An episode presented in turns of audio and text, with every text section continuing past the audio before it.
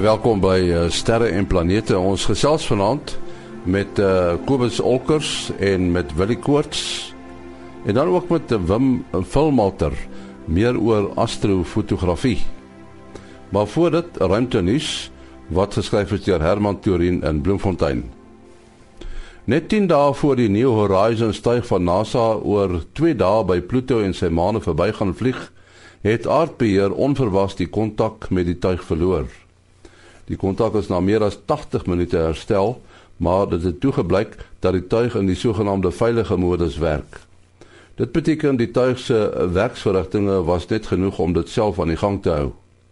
Dit beteken ook dat die tuig se rekenaars moes van die aarde af herlaai word wat 'n omvattende taak was omdat dit die instruksies meer as 4 uur neem om New Horizons te bereik en die tuig se antwoord weer meer as 4 uur neem om die aarde te bereik. Die wetenskaplikes het intussen vasgestel wat verkeerd geloop het. Dit was 'n moeilik naspeurbare fout in die opdragmeganisme na die tuig. Die probleem is intussen uitgestryk en die tuig het reeds weer nuwe data waaronder 'n skouspelagtige foto dat die aarde teruggestuur. Tot sover ruimte nuus wat geskryf is deur Herman Turin in Bloemfontein. Ja, ons gesels nou met uh, Wim Volmalter. Ons het so uh, laas jaar het ons met hom gepraat ook oor astrofotografie en ons uh, uh, wil met hom vanaand daaroor praat omdat die belangstelling in astrofotografie lyk vir my nogal toeneem veral met, met selfone. Nou daar's verskillende metodes om uh, lyk my die sterre af te neem. Uh, dit is met die kamera self, die uh, teleskoop en die kamera en dan nog 'n uh, vreeslike grand metode met uh, baie gesofistikeerde maniere. Uh Wim, as 'n mens nou vanaand net oor die gewone kamera gebruik metode praat, uh, hoe, hoe doen 'n mens dit? En nie die kamera metode word gebruik op 'n driepoot. Dit is gewoonlik langbeligtings en dis die belangrikste toevoeging wat jy kan doen is 'n stewige driepoot. Dan neem 'n ou gewoonlik mooi naglandskappe af met 'n wye hoek, soos byvoorbeeld die Melkweg of die Melkweg met 'n mooi voorgrond. En vir hierdie doel is die DSLR kamera met vervangbare lense uh eintlik die beste geskik. As 'n ou kyk na die mooi prentjies wat afgeneem word, dan kyk 'n ou na ten minste 'n 18 mm lens of dan 'n 10 of 12 as jy so iets het. As jy 'n goeie lens het, dan is sy f-stop gewoonlik redelik laag. Met ander woorde, hy kan redelik groot oopmaak en vir jou baie lig inlaat. En dan praat ons van 'n f-stop van omtrent 'n uh, 2 of 'n 1,8. Dit verkort die tyd wat jy nodig het om die inligting op die sensor van die kamera te kry. Ons gebruik die 500 reël oor die algemeen wat beteken jy vat jou lenslengte wat jy gebruik, sê byvoorbeeld nou 'n 10 mm, jy deel dit in 500 en die antwoord gee vir jou 50 wat dan die hoeveelheid sekondes is wat jy die kamera kan ooplos uh sonder om streepies op jou foto te trek. As ons kyk na die ISA of die ISO van die kamera, stel jy gewoonlik so hoog as moontlik uh om al die inligting in te kry. Die nadeel daarvan is gewoonlik dat jy maar bietjie uh geraas kry wat eintlik maar 'n tipe grein is, growwerige agtergrond, amper soos die ou dae se grein op op die filmfoto's. Maar daar is programme wat dit weer kan verwyder. Ander belangrike ding om na te kyk is om al jou stellings op manual te doen. Jou fokus uh en jou beligting en tyd alles moet jy met die hand doen want die kamera kan nie die lig meet nie en hy kan ook nie fokus nie. Hy weet nie waarop om te fokus nie. Die f-stop wat jy gebruik is gewoonlik as jy iets soos die Melkweg of die sterrebeelde afneem op hulle eie, dan is dit die laagste wat jy kan gebruik met ander woorde die grootste wat die lens kan oopmaak, sê net maar 'n f2. Maar as jy byvoorbeeld 'n 'n voorgrond wil inkry soos wat ouens baie keer 'n mooi ou huisie of 'n ou kar of plante groei of iets in die voorgrond wil by hê, dan moet jy 'n langer f-stop gebruik soos 'n f8 wat dit moontlik maak dat die voorgrond en die ver sterre in fokus is. Wim uh, ons uh, moet 'n bietjie gesels oor 'n sterre kyk aand of eintlik 'n naweek nê nee, wat in in die Karoo Nasionale Park plaasvind. Dis van die 7de tot die 9de Augustus Uh is dit nou al 3 aande wat uh, jy vir die mense sterre gaan wys? Ons gaan mik vir die eerste aand vir die sterre kyk, maar soos wat die weer nou maar die baas is by al hierdie tipe aande, hou ons die ander aande oop vir ook 'n moontlike kyktyd. Maar die datum wat bespreek is op die stadium is die 7de Augustus vir die sterre kyk. En dit is nou vir die ereveldwagters, nê? Nee? Dis reg. Hulle reële by einkoms en uh dit is by hulle in die Karoo Nasionale Park naby Beaufortwes. Ja, onthou die 7de tot die 9de Augustus, hulle noem dit 'n sterre kyk 'n 4x4 geologie bossie rally naweek. So 'n mond vol. Wim jou telefoonnommer as mense inligting wil hê oor die uh, fotografie. Dis 082 909 3956. Ja, as jy meer inligting wil hê oor die naweek in die Karoo Nasionale Park, skakel vir Japie Klasen by 083 724 7916. 083 724 7916. Nou vanaand by die uh Sterre en Planete mikrofoon het ons vir Willie Koorts van die SAAO en vir Kobus Olkers van uh, Florida daar in Amerika wat ons uh, son vir ons dop hou en ons gaan uh, vanaand hoofsaaklik oor die oor die son praat. Ons het gedink ons sal miskien oor hierdie begrippe praat wat uh, Kobus so lustig rondgooi wanneer hy sy, sy son weervoorspellings uh, elke week gee sonvlekke, koronagate, filamente en uitbarstings.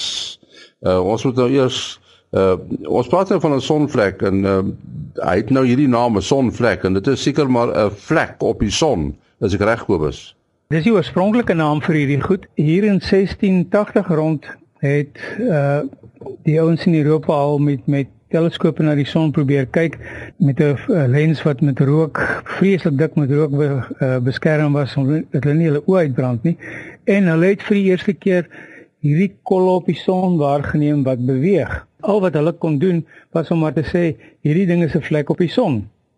Hulle het natuurlik geen idee gehad op daardie stadium wat die oorsaak van so iets kan wees nie. Deur die jare, deur die eeue eintlik tot baie onlangs tot tot in die in die in 19de eeu. Uh laat in die 19de eeu het die mense begin agterkom dat die sonvlekke allerlei karakteristieke het, maar dit is dit was nog steeds vlekke. En dit is eers vandat ons begin kyk het na die magnetiese eienskappe, die die potensiële magnetiese eienskappe van die son en hoe die fisika van die son self werk dat ons begin agterkom het dat hierdie sogenaamde sonvlekke is eintlik maar net 'n ding wat ons in wit lig sien.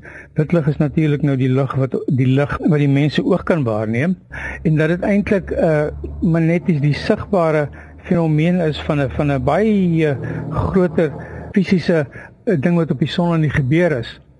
Die eerste ding wat ons sien is die fotosfeer van die son. Dit is hierdie warm gedeelte uh wat ons as 'n geel 'n geel-wit uh omhulsel om die son sien. Ehm um, en in hierdie fotosfeer kry jy nou al hierdie spaghetti lyne wat die fotosfeer deurdring. En waar so so 'n lyn deur die fotosfeer kom, maak hy maak hy nou 'n gaatjie in die fotosfeer van die son.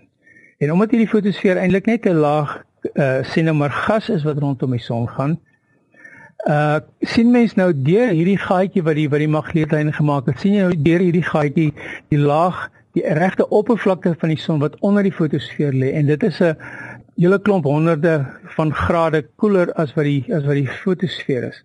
So die sonvlek is eintlik net 'n gat deur die fotosfeer wat vir ons die opper, werklike oppervlakte van die son wys. En dan kom ons by 'n sonvlek. Nou die korona gat net kortliks Nou was ons by die by die by, by die fotosfeer. As ons nou 'n bietjie verder opgaan, nou kom ons by die korona van die son. En dit is 'n dit is 'n 'n baie 'n warm gedeelte. Uh die korona is is vreeslik warm. Hy's in die miljoene van grade. 'n Mens sien hom eintlik net jy kan hom nie op die oppervlakte van die son sien nie want kyk die son is mos nou reg agter die korona. So wanneer ons die korona eintlik nou goed sien is met 'n uh, 'n sonsverduistering en hulle het dit gewoonlik so die ring van diamante genoem, die diamantring van die son. Omdat wanneer die maan nou voor die son in inskuif met 'n met 'n sonsverduistering, dan is die hele skuif van die son vir ons uh vir ons weg. En al wat ons sien is presies die die die die randjie van die son met die ons noem dit nou maar so die skynsel en hierdie skynsel het hulle die korona genoem en die die bron van die woord is natuurlik kroon so want dit gelyk soos die kroon van die son. En dit is natuurlik nou weer een van die wondere van die skepping dat die son en die maan net so net mooi so ver uit van die aarde af is dat die die maan se hoek wat hy maak net mooi dieselfde is is wat die hoek van die son maak. Al is die maan duisende kere kleiner as wat die as wat die son is uit deursnit Maar nou ja, hier het ons dan die die maan wat vir die son inskyf. Ons sien hierdie korona rondom die son en dit is 'n baie warm gedeelte. Maar in hierdie korona is daar vreeslike baie vreeslik baie prosesse aan die gang.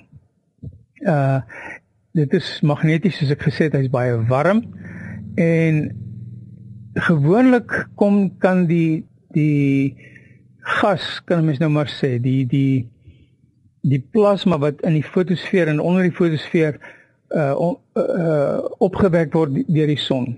Kan nie deur hierdie korona kom nie. Die korona is, is 'n magnetiese skerm kan mens nou sê rondom die rondom die son. Maar partykeer uh kry 'n mens dat net soos wat ons nou verduidelik het van die uh, magnetiese aktiwiteite in die in die uh oppervlakte van die son kry mens ook magnetiese prosesse in die korona wat dan partykeer die korona uh vervorm sodat daar ook 'n gat deur hom kom.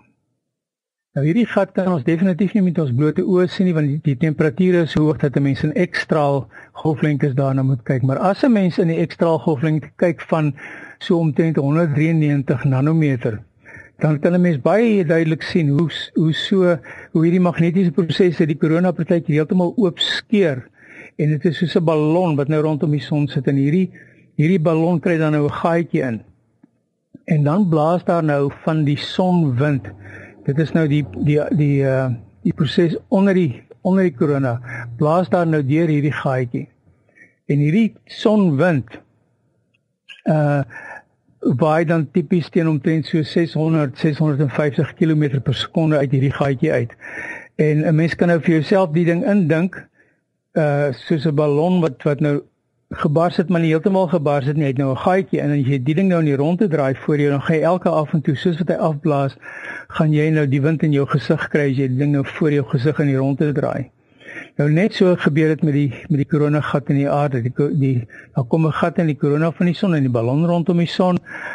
Die wind blaai daar baie daar uit en elke kort kort elke draai wat hy gee, waai na die aarde se koers toe en dan kry ons ehm uh, as gevolg van hierdie vreeslike hoë spoed sonwind wat natuurlik uh elektries gelaai is uh en wat natuurlik 'n magnetiese uh oriëntasie ook het kry, kry ons dan dat hy die aarde se uh, se magnetosfeer uh bietjie de mekaar maak en dan die ionosfeer beïnvloed. So dit is nou wat dan 'n gat in die korona oftewel 'n korona gat is. So wat jy eintlik sê is dat die sonoppervlak is omtrent so 6000 grade en dan het jy hierdie koeler gedeeltes, die die sonvlekke wat so 2000 grade koeler is, so 4000 grade en dan het jy natuurlik hierdie geweldige warm gedeeltes van die uh korona self wat wat die gloed rondom die straalkrans rondom die son is wat dan weer miljoene grade warm is. So ja, so dis 'n hele heeltemal 'n mengelmoes van van temperature en dan iets wat ek ook uitgekry het is dat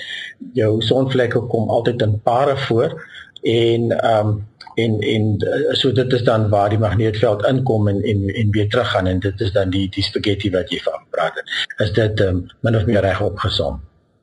Fine. Daar's hy. Ons moet die heel laaste en heel kortliks praat oor hierdie sogenaamde uitbarstings, hierdie geweldige vlamme wat uitskiet. Ja, dis ons dis die sogenaamde corona massa uitbarstings of CMEs uh, op Engels coronal mass ejections. Ehm um, Nou hierdie hierdie goed is dan nou net direkte gevolg van as ons nou teruggaan na die sonvlekke toe. As jy nou 'n paar van hierdie gate bymekaar het en ek het net nou geëindig met met 'n noordpool wat omring is deur 'n klomp suidpole. Nou dan kan 'n mens vir jouself sien dat die suidpole probeer almal elkeen nou sy stukkie van die noordpool gryp. Ehm um, en die noordpool wil nie gegryp wees nie want hy wil hy wil hy wil bymekaar wees. En op een of ander stadium uh en 'n mens kan nou hierdie spaghetti nou nog steeds sien. Jy sit nou met 'n komplekse 'n komplekse klomp spaghetti wat nou van die, al die noordpole na hierdie een enkele ag al die suidpole wat na hierdie enkel een enkele noordpool toe gaan en uiteindelik konsolideer hierdie klomp op 'n manier en jy kry dat daar verskriklike groot spannings kom en as 'n mens dan nou in weer eens in die magneetveld uh die magneetvelde kan sien wat jy in in ekstraal baie maklik kan sien. Ehm um, dan sal jy sien dat uh hy raak al hoe groter en groter hierdie hierdie groot stuk spaghetti wat so daar uitsteek en daar is nou soveel energie in hierdie in hierdie veldlyn die spaghetti ding wat nou so uitsteek dat hy dat hy onder afbreek. En hy breek gewoonlik by een van sy kante eerste af die twee kante dis bitter min wat een van hulle wat hulle albei gelyk afbreek. En wat dan nou gebeur is die ding is onder verskriklike spanning. Dit is nou nou met 'n mens jou spaghetti insien eintlik as 'n stuk veerstaal. Sê ons het nou hierdie nuwe ding ontwikkel wat wat uh spring steel veerstaal spaghetti is. Nie oomblik as daai ding losbreek, dan probeer hy nou reguit skiet. En wanneer hy reguit skiet, die oomblik as hy breek, dan is dit nou soos soos wat 'n mens met met 'n vonkprop by 'n kar doen. Ehm um, as jy as jy twee drade bymekaar het, dan dan vloei dit en die oomblik as jy daarin breek, dan spring daar so 'n vonkie nou. Daai vonkie wat spring sê sê hier is nou baie energie wat wil aanhou loop. En jy kry dieselfde soort van effek daar wanneer die ding afbreek. Hier's magnetiese energie wat wil aanhou loop. En in die proses uh is daar 'n klomp uh van hierdie plasma wat so versnel word dat dit naand ekstrale uitgee. Dit is hoekom ons ook hierdie koronamassa uitbarstings die uh baie keer in die in die leuke taal word hulle as uh, verwarre mense X X flare met 'n X 'n X uitbarsting met 'n gewone uitbarsting. So die oomblik as hy breek, dan kry jy nou hierdie stukkie, dan kry jy nou hierdie vreeslike intense uitstraling van ekstrale wat kom en hoe meer energie in daai ding was, hoe, hoe meer ekstrale saai uit en die goed. Ons kan miskien op 'n volgende keer gesels wat dit nou in die ionosfeer doen, maar hierdie ekstrale kom nou aarde se kant toe en hy voeter jou GPS op en hy doen al die soort van goed. Nou is dit ons nog steeds met hierdie massa uh plasma wat daar in hierdie in hierdie spaghetti veerstaal spaghetti sit. Hy vlieg los teen 'n vreeslike spoed. Die ander kant breek gewoonlik nou af en nou gaan hy so woer woer kom hy nou los van die son af. En dit is presies die soort van ding wat ons nou kry. Die oomblik as hy losbreek dan dan is dit nou 'n stuk van die korona, kan 'n mens sê wat uitgebars het. Dis hoekom sê dis 'n korona massa uitbarsting. Dis 'n stuk massa korona massa wat losgebreek het en wat nou uitbars van die son af. Hierdie ding kom nou woer woer woer hier na die na die aarde se kant toe en een van die interessante goed is is daai daai stuk spaghetti lyn wat nou so hier aan die kant toe kom gryp ook dan sommer die son se magneetveld vas. Die oomblik as hy daar weggaan en hy hou 'n magneetveld. En ons kan op 'n volgende geleentheid gesels oor hoe hierdie woer woer uh, magneet kan 'n mens nou sê wat nou na die aarde se kant toe kom hoe hy die aarde se se magnetosfeer beïnvloed uh dit kan die dit is die tipe van ding wat ons ons kraglyne kan beïnvloed en wat kan maak dat ons ons internet ons landkleine internet verloor en ons kraglyne. Nou ja, ongelukkig moet ons uh, afsluit. Uh, Kobus as iemand met jou wil kontak maak, jou besonderhede. kobusolkers@gmail.com k o b u s o l c k e r s by gmail.com. En wil ek? Ja, mens kan bel SMS of WhatsApp 072 4579 en my besonderhede maas.henny@gmail.com maas.henny@gmail.com. Tot 'n volgende keer. Mooi dop.